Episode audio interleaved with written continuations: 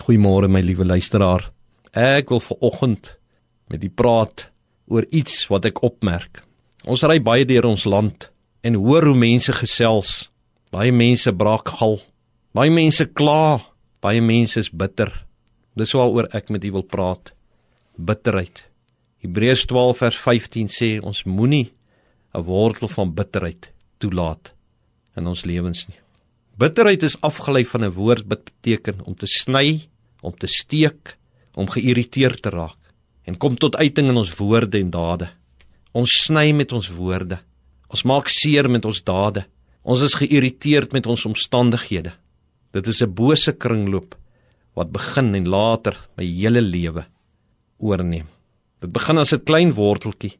Ek ervaar iets negatiefs van iemand, my vriend vertel my iets soortgelyks wat met hom gebeur het, deur dieselfde persoon. Ek sien soortgelyke ervarings op die TV. Dit word 'n gevoel van irritasie wat my later teen daardie mense laat praat. Ek begin bitter word teen die oorsaak van die omstandighede. Die Bybel sê ek moenie dit toelaat nie. Ek moet dit verwyder. Hoe doen ek dit? Jy kan dit nie self doen nie. Jy moet steun op Christus. Hy kan jou krag gee om dit te oorwin. Jy moet vergewe soos hy vergewe het en jou vrygespreek het.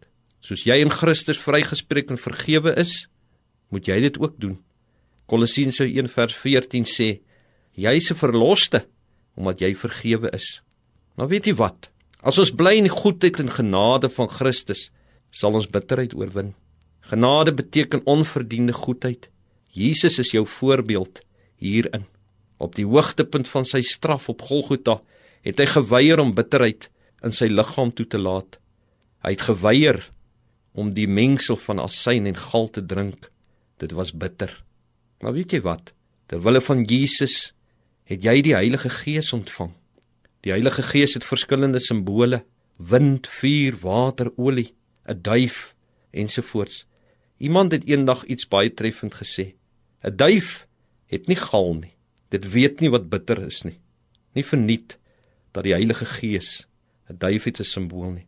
Hy's nie bitter nie. Binne in jou het jy deur Christus iemand wat nie bitter raak nie. Jy kan en jy hoef nie bitter te raak nie.